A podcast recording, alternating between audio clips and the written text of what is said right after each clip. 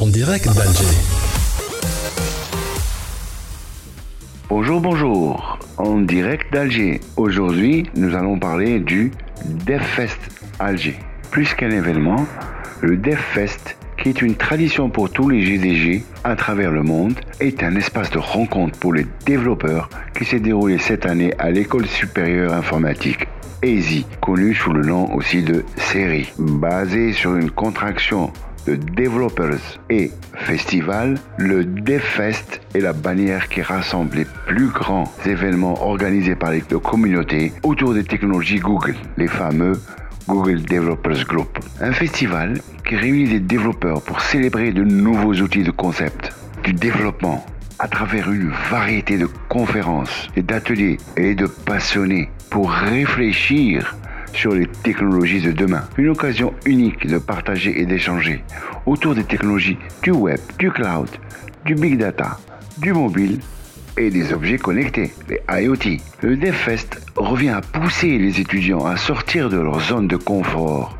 et à les encourager à aller, vers, sur une démarche qui les sorte de leur référentiel étudiant pour aller vers le monde de l'innovation et in fine vers le monde du travail. Pour sa sixième édition cette année, le DevFest est passé à trois jours et il s'est enrichi d'un hackathon qui portera sur le thème du digital well-being qui peut se traduire par bien-être numérique. Et un prix sera décerné au meilleur projet souligne Amin Atmani, organisateur du DevFest Alger 2018. Cette année, les gagnants sont l'équipe WG Tech avec leur projet LEMA qui est une application mobile qui programme des réunions familiales et des moments intimes. Pendant cette réunion, toute la famille sera déconnectée des réseaux sociaux. Cette année, Condor était présent comme à son habitude pour les DevFest. Amin Atmani nous dira que Condor est notre fidèle sponsor. La société était présente depuis le premier DevFest et continue à le faire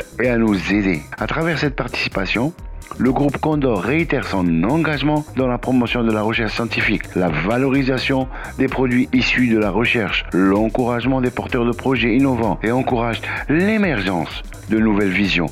Mindset, disruption.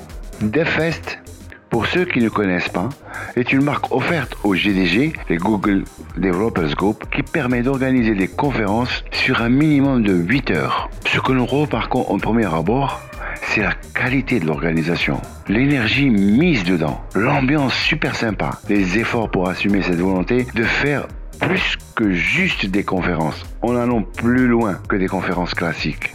Enfin, beaucoup de bénévoles.